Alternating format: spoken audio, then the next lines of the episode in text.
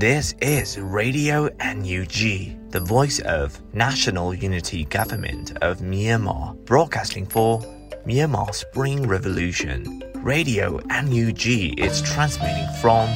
shortwave 16 meter 17.79 megahertz at 8:30 a.m. and 25 meter 11.94 megahertz at 8:30 p.m. Myanmar Standard Time. မင်္ဂလာပါခင်ဗျာ အမျိုးသားညီညွတ်ရေးအစိုးရရဲ့အတန်လွင့်ဌာန Radio NUG ကိုမနက်ပိုင်း၈နာရီခွဲမှာလိုင်းတို16မီတာစက္ကန့်တက်သမ9 MHz ညပိုင်း၈နာရီခွဲမှာလိုင်းတို25မီတာ17တက်သမ6 MHz တို့မှာဓာတ်ရိုက်ဖမ်းယူနိုင်နိုင်ပါပြီမင်္ဂလာအပေါင်းနဲ့ပြည့်စုံကြပါစေအခုချိန်ကစပြီး Radio NUG အစီအစဉ်တွေကိုဓာတ်ရိုက်အတန်မြင့်ပေးနေပါပြီ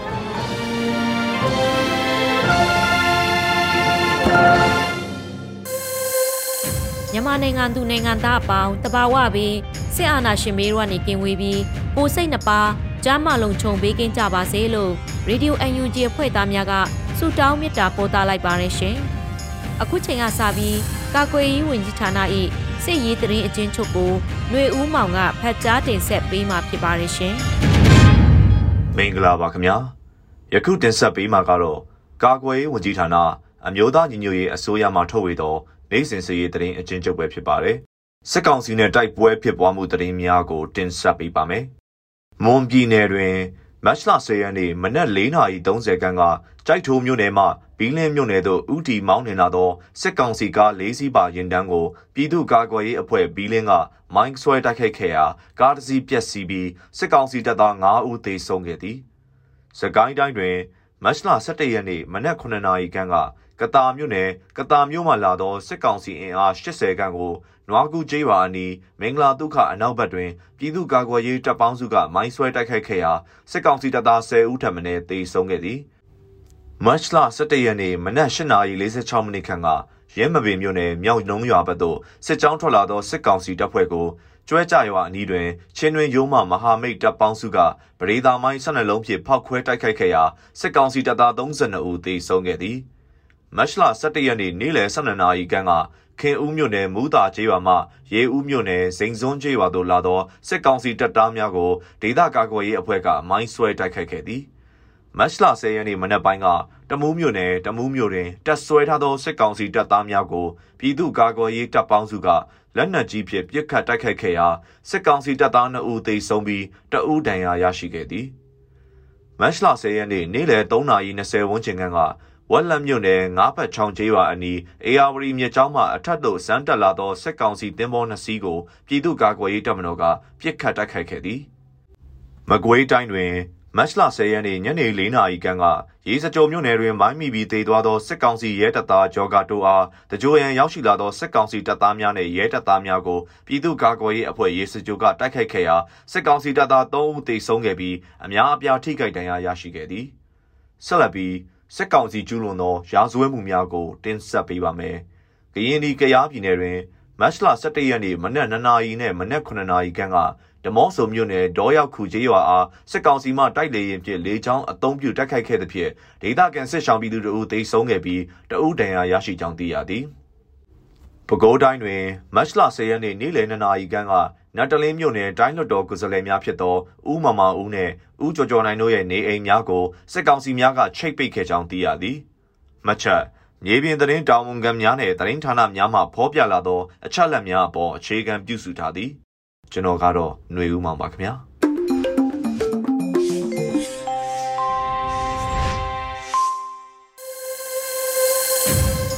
Radio UNG မှဆက်လက်အသံလွှင့်နေပါတယ်။ Radio UNG ရဲ့နောက်ဆုံးရသတင်းအချင်းချုပ်ကိုຫນွေဦးဟန်နီကတင်ဆက်ပေးပါမယ်ရှင်။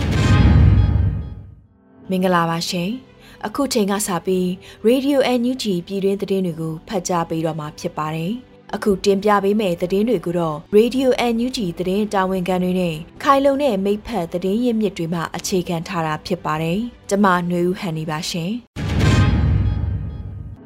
NUG နဲ့ KNU အကြား bilateral နိုင်ငံရေးနဲ့စီးရေးကိစ္စများပူးပေါင်းဆောင်ရွက်နေဆိုတဲ့သတင်းကိုတင်ဆက်ပေးပါမယ်။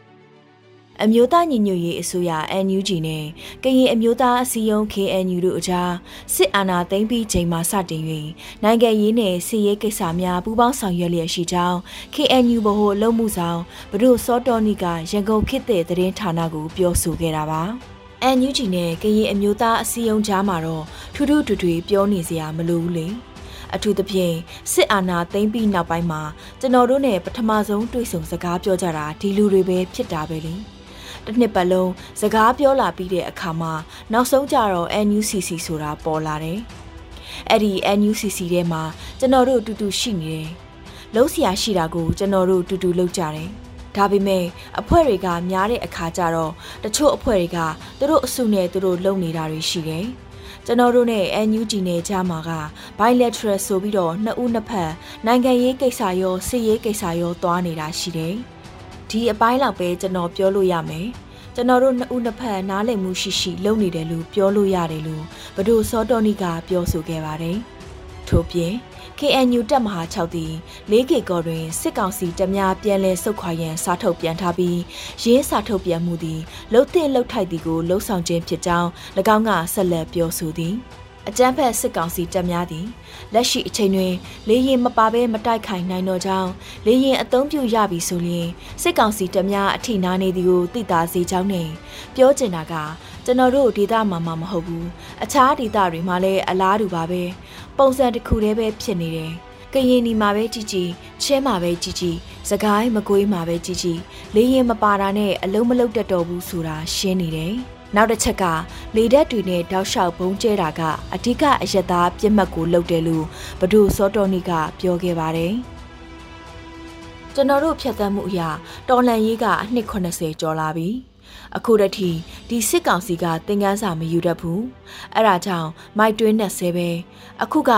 လူတို့တိုင်းကသူတို့ရဲ့ရန်သူတွေဖြစ်သွားပြီဆိုတော့လူတို့တွေဒုက္ခရောက်လာတယ်အရေးအတွက်ကများလာတယ်ကျွန်တော်တို့ရှိတဲ့ခွန်အားနဲ့တတ်နိုင်သလောက်နိုင်ငံတကာနဲ့ချိတ်ဆက်ပြီးတော့တတ်နိုင်သလောက်ကူကြတယ်ဆိုတော့ဒီလူတို့တွေဟာမပြည့်စုံဘူးဆိုပေမဲ့ကျွန်တော်တို့ဘက်မှာပဲရှိနေတယ်လေဒီလိုအခြေအနေဟာကျွန်တော်တို့ဒေသတွေမဟုတ်ဘူး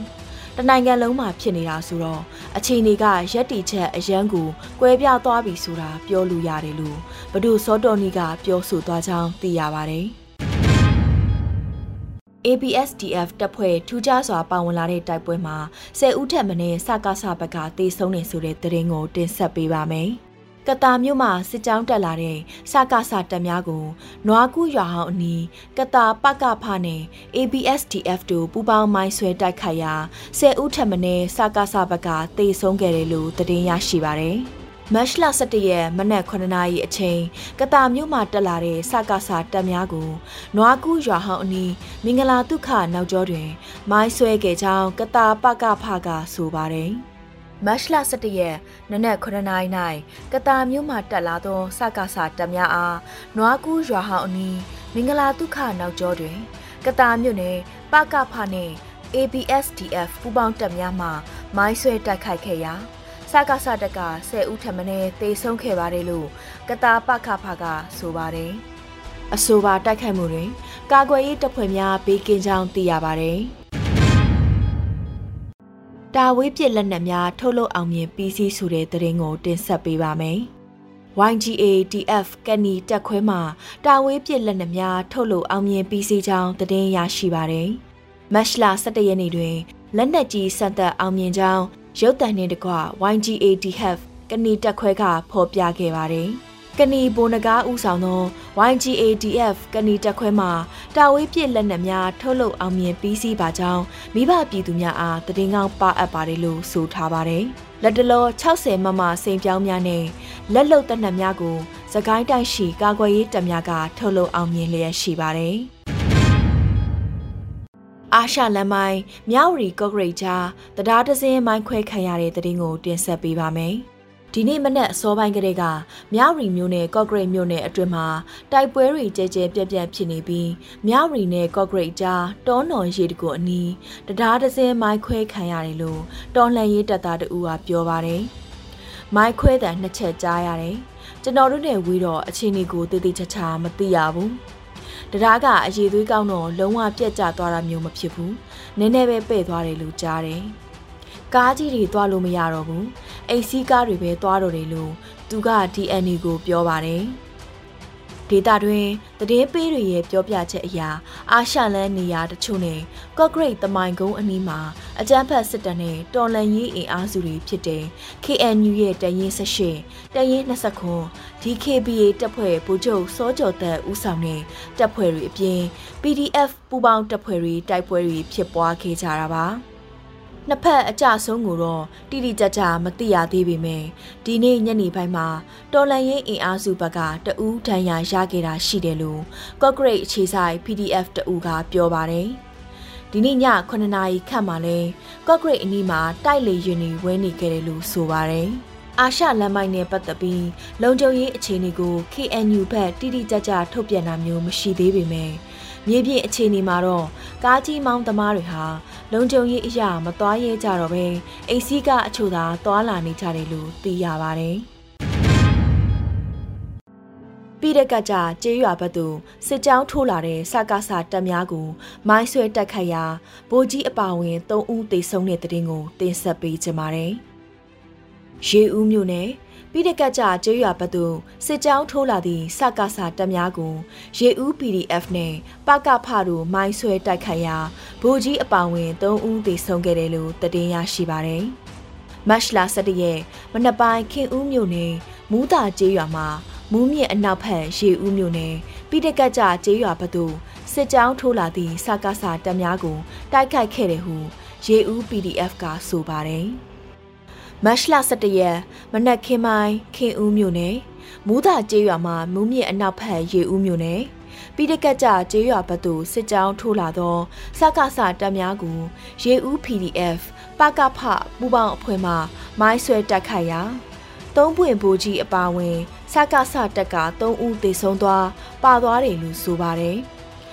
တိုက်ပွဲရင်းသေဆုံးသူများကိုရဟတ်ရင်နဲ့တဲဆောင်သွားကြောင်းသတင်းရရှိပါတယ်။ ပြည်သူရဲဘော်များအထူးကမရှိဘဲပြန်လည်ဆုတ်ခွာနိုင်ခဲ့တယ်လို့ဆိုပါတယ်။ဆက်လက်ပြီးမန္တလေးမှာပြည်ဦးလွင်တို့အတက်ရထားပြည်ဦးလွင်စင်လန်းအနီးဖောက်ခွဲခံရတဲ့တဲ့တင်ကိုတင်ပြပေးပါမယ်။မတ်လ17ရက်မိုးလွယ်12နာရီ15မိနစ်တွင်မန္တလေးမှပြည်ဦးလွင်တို့အတက်ရထားပြည်ဦးလွင်စင်လန်းအနီးမှာဖောက်ခွဲခဲ့တယ်လို့ PDF ပြည်ဦးလွင်ကဆိုပါတယ်။ ယထာပေါ်မှာပါတဲ့ရဲခွေနဲ့နန်း CDN မိယထာဝန်ထမ်းများကိုတိုက်ခိုက်ခြင်းဖြစ်ပါတယ်။ယထာကလူစီယထာဆိုပေမဲ့လူမပါပါဘူးဗျ။အဝေးထိန်မိုင်းနဲ့ဖောက်ခွဲခဲ့ပါတယ်လို့ဆိုပါတယ်။အဝေးထိန်မိုင်းဖောက်ခွဲ၍ယထာထိသွားတော့လဲထိခိုက်ပျက်စီးမှုအခြေအနေကိုစုံစမ်းနေဆဲဖြစ်ပါတယ်။လမ်းချော်သွားအောင်လုပ်ပေမဲ့ချော်မကျသွားဘူး။အဓိကယထာစက်ကောင်းကိုတိုက်ခိုက်တာပါ။ယထာကတော့မိုင်းထိပါတယ်လို့ PDF ပြင်ဦးလွင်ကထပ်မံပြောကြားခဲ့ပါတယ်ရှင်။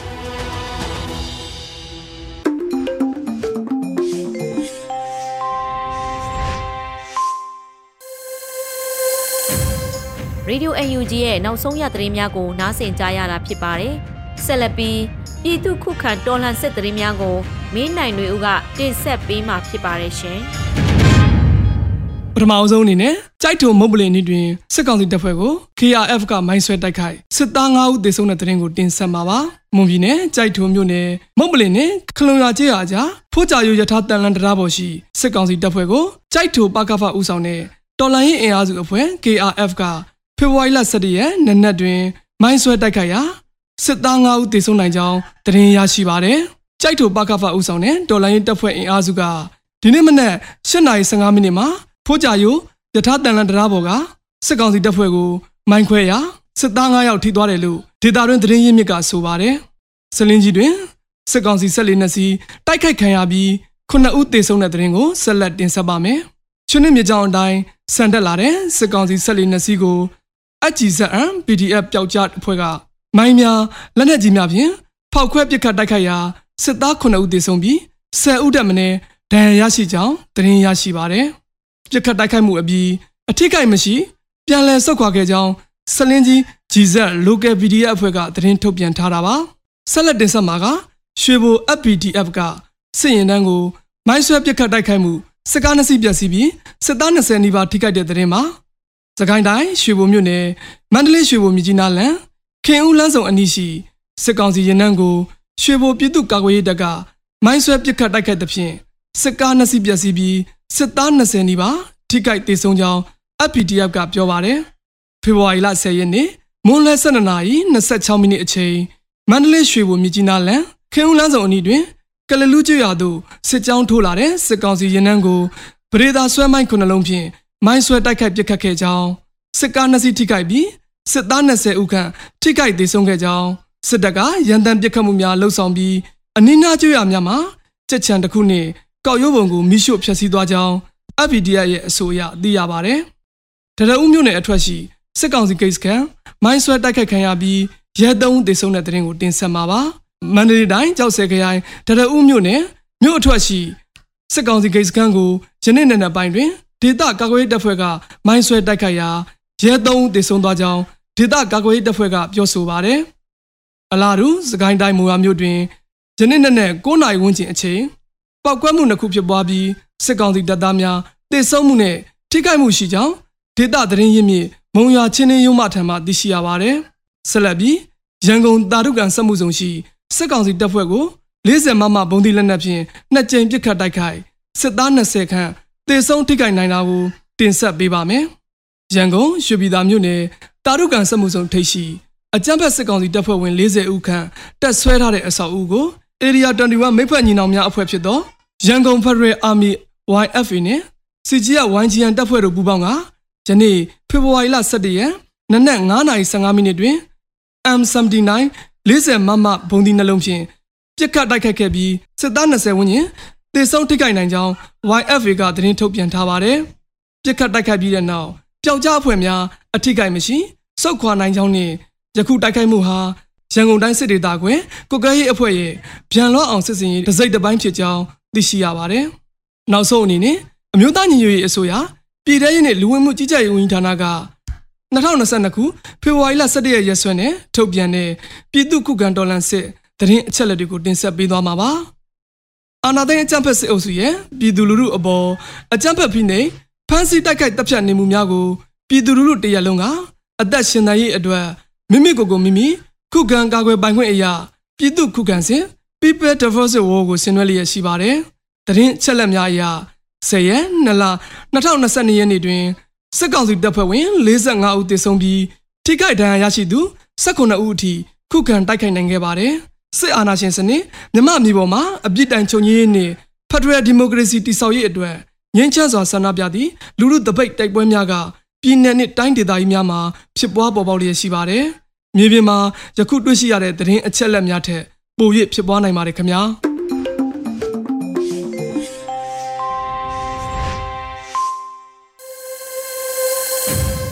အခုဆက်လက်ပြီးတော့ PPTV ရဲ့နေ့စဉ်သတင်းများကိုမျိုးတော်ရာကတင်ဆက်ပေးမှာဖြစ်ပါတယ်ရှင်ပထမဆုံးတင်ဆက်ပေးမှာကတော့သတင်းအချက်လက်ရယူရန်တာဝန်ပေးထားသူများမှအပါ အကြမ်းဖက်စစ်ကောင်စီရဲ့ဝင်ကြီးဌာနမှလှုပ်ဆောင်နေသူတွေကိုနိုင်ငံတော်ပုံကံမှုကျူးလွန်သူတွေလို့သတ်မှတ်ကြောင်းပြည်ထောင်စုဝင်ကြီးဒေါ်ခင်မမမျိုးကြေညာချက်ထုတ်ပြန်လိုက်တဲ့ဆိုတဲ့သတင်းမှာ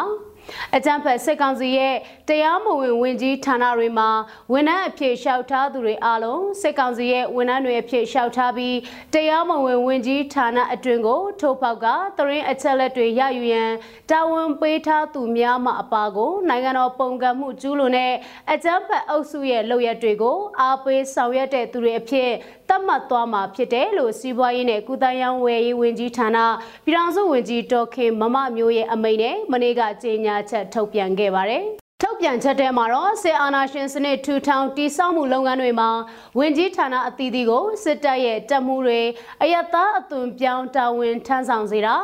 စစ်တပ်ဩဇာခံဝန်ထမ်းတွေဖြစ်လာစေဖို့ တင်နန်းတွေပေးတာအစရှိတဲ့နီလန်းတွေကိုကျင့်သုံးပြီးစစ်ဗျူရိုကရက်အုပ်ချုပ်ရေးရန်ရာကိုတိစောက်ခဲ့ကြပါတယ်။ဒါပေမဲ့လည်း2021ခုနှစ်ဖေဖော်ဝါရီ၁ရက်နေ့စစ်အာဏာသိမ်းရန်ကြိုးပမ်းမှုဖြစ်ပွားပြီးတဲ့နောက်ပိုင်းမြန်မာနိုင်ငံအရရက်ကဝင်ကြီးဌာနအသီးသီးရဲ့နိုင်ငံဝန်ထမ်းများစွာတို့ကစစ်တပ်ဩဇာခံဝန်ထမ်းတွေအဖြစ်စစ်ဗျူရိုကရက်အုပ်ချုပ်ရေးရန်ရာကိုခွေးသောစိတ်များအဖြစ်ပါဝင်လည်ပတ်ခြင်းမရှိဘဲ Civil Disobedience Movement CDM ပြုလုပ်ကပြည်သူလူထုနဲ့အတူတရားရဲရည်တည်ခဲ့ကြတာပါအဲဒီလို CDM ဝန်ထမ်းတွေရဲ့ဆွလွန်အနစ်နာခံမှုတွေကြောင့်စစ်ဗျူရိုကရက်အုပ်ချုပ်ရေးရန်တရားကနိုင်ငံနဲ့ပြည်သူလူထုအပေါ်မှာတစ္ဆာစောင့်သိမှုမရှိတဲ့ non CDM ဝန်ထမ်းတွေအဖြစ်နဲ့သာဆက်လက်လက်ပတ်ခဲ့ကြောင်းတွေ့ရှိရပါတယ်။ယခုအချိန်မှာဝင်ကြီးဌာနအသီးသီးရဲ့ non CDM ဝန်ထမ်းအကြီးအကဲတွေက နိုင်ငံတော်ပုံကံမှုနဲ့စစ်ရာဇဝတ်မှုကျူးလွန်ပြီးတရားမဝင်အစိုးရဖွဲ့စည်းထားတဲ့အကြမ်းဖက်စစ်ကောင်စီရဲ့အုပ်ချုပ်ရေးအာဏာကိုအသက်သွင်းဖို့ဝန်ထမ်းတစ်တွေကိုခေါ်ယူလျက်ရှိရာ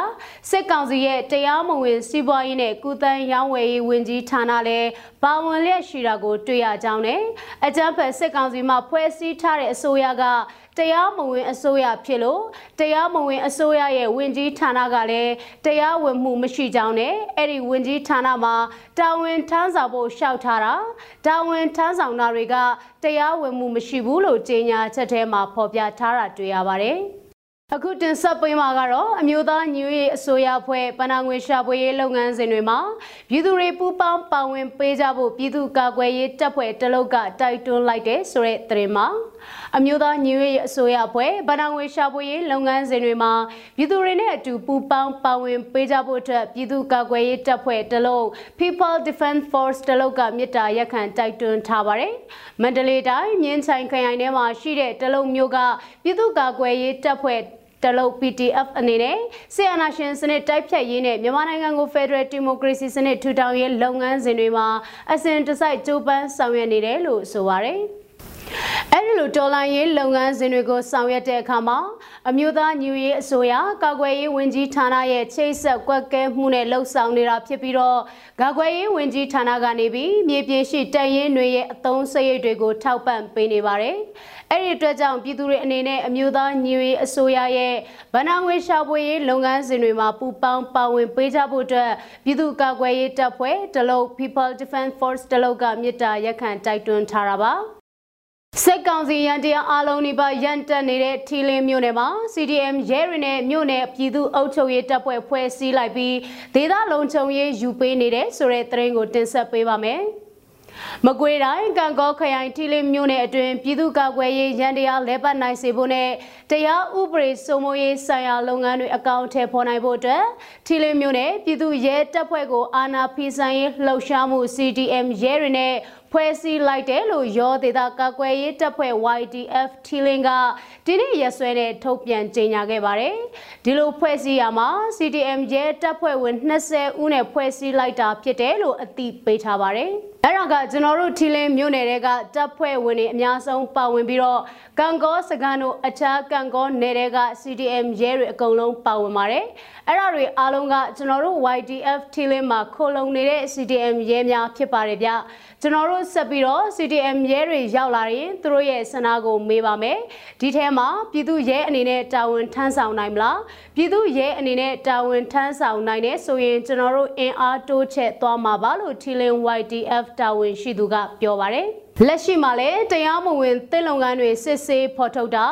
ခိုးမှုတွေစုံစမ်းဖော်ထုတ်တာလောင်ကစားဝိုင်းပပျောက်ရေးလုပ်ငန်းတွေနဲ့ပြစ်မှုဆိုင်ရာများဖော်ထုတ်အရေးယူတာတွေကိုအမျိုးသားညိုရေးအစိုးရပြည်ထရေးနဲ့လူဝင်မှုကြီးကြပ်ရေးဝန်ကြီးဌာနရဲ့ညွှန်ကြားချက်တွေနဲ့ညီဆောင်ရွက်နေတယ်လို့ထုတ်ပြန်ထားပါတယ်ထီလင်းမြို့နယ်အတွင်းရှိပြည်သူတွေအနေနဲ့လည်းပြစ်မှုဆိုင်ရာကိစ္စရပ်တွေမတရားမှုတွေကိုအချိန်နဲ့တပြေးညီတိုင်တန်းနိုင်ကြောင်းထုတ်ပြန်ခဲ့ပြီး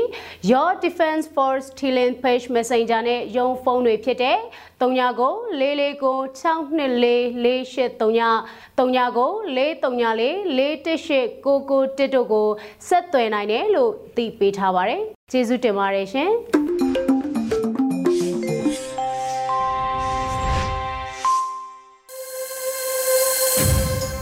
ဆက်လက်ပြီးတိုင်းသားဘာသာစကားအစီအစဉ်အနေနဲ့ချင်းချိုးဘာသာစကားခွဲတစ်ခုဖြစ်တဲ့ဒိုင်းဘာသာစကားဖြင့်သတင်းထုတ်လွှင့်မှုကိုတင်ဆက်ပေးမှာဖြစ်ပါတယ်ရှင်။ဒီအစီအစဉ်ကို Radio UNG နဲ့ချင်းချိုးဘာသာစကားထုတ်လွှင့်မှုအစီအစဉ်အဖွဲ့တို့ပူးပေါင်းထုတ်လွှင့်တာဖြစ်ပါတယ်ရှင်။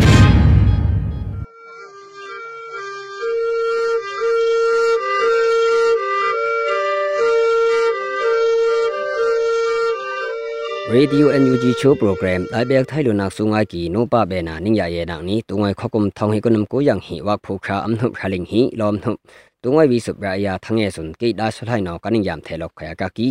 aksuga thuthanga lui ningai ma komu aksuga CTF kambleya yo PTF no sesapu ania tuk tiamong anghina ka rekhodam lu a polik phu khomdeng ma song pange dang puiwa ki tia thang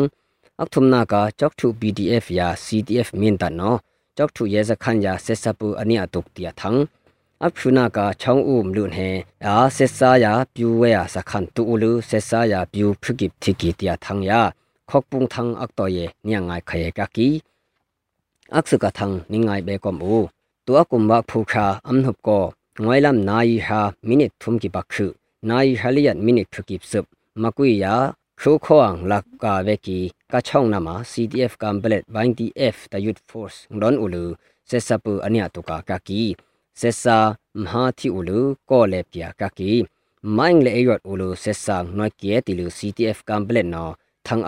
မွာကကီနီဆက်ဆာပိုဆုနော်စိမ်ခန်းခါအမ်နပ်ခုကခုလူတူငွိုင်းဆပ်ဟီအခုခောဒါခါသမ်ဒမ်တော်လူတုံနက်တွန်အီလဘဲတူကီယာကကီအဆုနဖုနိုပါဖွိနာအဝါနော် CTF ကမ်ပလက်တာသက်ပရာနာဆွန်လုကလမ်ဘိုင်ထုကီတီလူမ်ဆု CTF kampeleta thakpra nak sun luklam bai thuki tilum sum choina hwa ka kini ang hina ka thang ningai be kom u khu kho ri kho ta nu a non ngaw ki sesa sakha nung ka polik phu sun wa phu kha am nap khu kung khom dek rung set ki khom dek ma song pange da buiwa ki tilu hung ya ka ka kini asuna polik kung tatak thum ya tu ta chan mat puikia ka ki wa phu kha am nam hang CTF no rekhoda sakhan don ulu tuknak po ulu sesa khetik ya ka ki อักทุมนากาทังนิงไงเบกอมอูวักผู้คราอัมนับเข็ดงอยละมาจอกทุเยซะขนักคือมลุอุมดาสิทหุกยาเซซาทุมกิบจุนจอกทุ PDF မြို့ပြပျောက်ကြားတပ်ဖွဲ့ရာ CDF မင်းတနောမိုင်းငလုထုမ်ယာပေါက်စီအိုလူလီပကုံအနိယကာအာကကီဆက်ဆာခုတီလူ ခက်လက်ကီတီလူကြောက်ထူ PTF နော်သန်းအက်ပရာကကင်းနီအစွန်ကနာကြောက်ထူ PTF ဆန်ဟက်ဒမပူနော်ဆန်ဟက်ဒမုံကြောက်ထူမျိုးမရဲစခန်ပီအနိကာကကီကြောက်ထူလီတစခနာဥမာဟယ်လီကော်ပတာဟီဝီလော်ကီအက်ဆုအလောင်စက်ယန်ယာဇက်ဆာခန်းယာလော်ပီလူအန်ဟီနာအလောင်အက်လက်ခန်းခက်ယာလော်ပီဘက်ကီတီလူစင်ဟနာဝက်ကီယာကကီတုံနန်ဟနာပီယာဝက်ကီနှိုမီ ทุมยาปามีฮีปีเซซาปูโนยามันลืออันเนียเสปุยากากีอัพชุนากาทางนิงายเบกอมูว่าผู้ค้าอันหบกองสิกันขอช่องอุนเหการจีกุ้งนามาเวกียาเซซายาพิวเอสคันซุน MGN 35ปยอกจาตาพวยซีโรปยอกจาตาพวยมีนชันตะเวลิออบยังเมนตองตาเมียง Revolution Army ลอนอุลืออันนี้ตุกากากินีเซซายาพิวโนน้ำใส ยามันหรืออันยามคุมที่กูกับอันยาหวย PDF สองปังเงยามันหรืออันยานหิมาเผืออันนี้ทุงเอนักเบอันนี้ตุกากากีเซซายาบิวอังดอนาพรุกิบทิกีติลู MGN 35ยกจาตะพวยนอทั้งอักปรานักหัวกากินีอัมหานากะทังนิงไงเบกอมอูยูกริงခါနာယောင်လူတုနာကခါယောင်မောင်ထေကီနောအမောင်ထေယာခါယောင်စွန်ရုရှားအနိကာနာဘေဝယာပိုလန်နိုင်ငံနောယူကရိန်း ပက်ဝိုင်တီလူအပနာကကီအဆုနာခါယောင်စွန်ဂျာမနီယာဝက်ကီအမေရိကန်လီတာစကန်ဒါအတ်စကာယသာမာဝယာကကီအဆွန်ကနာရုရှားဆွန်အင်လောင်ဆက်စီတူကုပက်တီဝိုင်တီလူအမေရိကန်ဘရီတင်း EU နောငီလူခမ်တန်နာအနိပွာကကီအဆွနာထေယာတောင်ကိုရီးယားတမရရှူနာကုံကွန်ဆာဗေတီပါတီအန်ဝိုင်ယွန်ဆက်ယူနောနုံနာကကီတယာသံဂါကကီ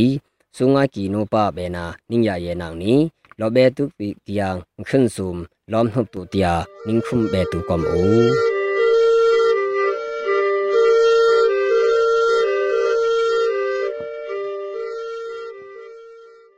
ဒီကနေ့ကတော့ဒီညနေပဲ Radio NUG ရဲ့အစည်းအဝေးတွေကိုခਿੱတရနာလိုက်ပါမယ် မြန်မာစံတော်ချိန်မနက်၈နာရီခွဲနဲ့ည၈နာရီခွဲအချိန်တွေမှာပြန်လည်ဆုံးဖြတ်ကြပါစို့ Radio NUG ကိုမနက်ပိုင်း၈နာရီခွဲမှာလိုင်းဒို16မီတာစက္ကန့်တသမ9 MHz ညပိုင်း၈နာရီခွဲမှာလိုင်းဒို25မီတာ17တသမ6 MHz တို့မှာဓာတ်ရိုက်ဖမ်းယူနားဆင်နိုင်ပါပြီမြန်မာနိုင်ငံသူနိုင်ငံသားများကိုယ်စိတ်နှပြချမ်းမာချမ်းသာလို့ဘေးကင်းလုံခြုံကြပါစေလို့ Radio NUG အဖွဲ့သူအဖွဲ့သားများကဆုတောင်းလိုက်ရပါတယ်။အမျိုးသားညီညွတ်ရေးအစိုးရရဲ့စက်သွေးရေးတရင်အချက်အလက်နဲ့ဤပညာဝန်ကြီးဌာနကထုတ်လွှင့်နေတဲ့ Radio NUG ဖြစ်ပါတယ်။ San Francisco Bay Area အခြေစိုက်မြန်မာမိသားစုများနဲ့နိုင်ငံတကာကစေတနာရှင်များလှုပ်အားပေးများရဲ့ Radio NUG ဖြစ်ပါတယ်။အရေးတော်ပုံအောင်ရမည်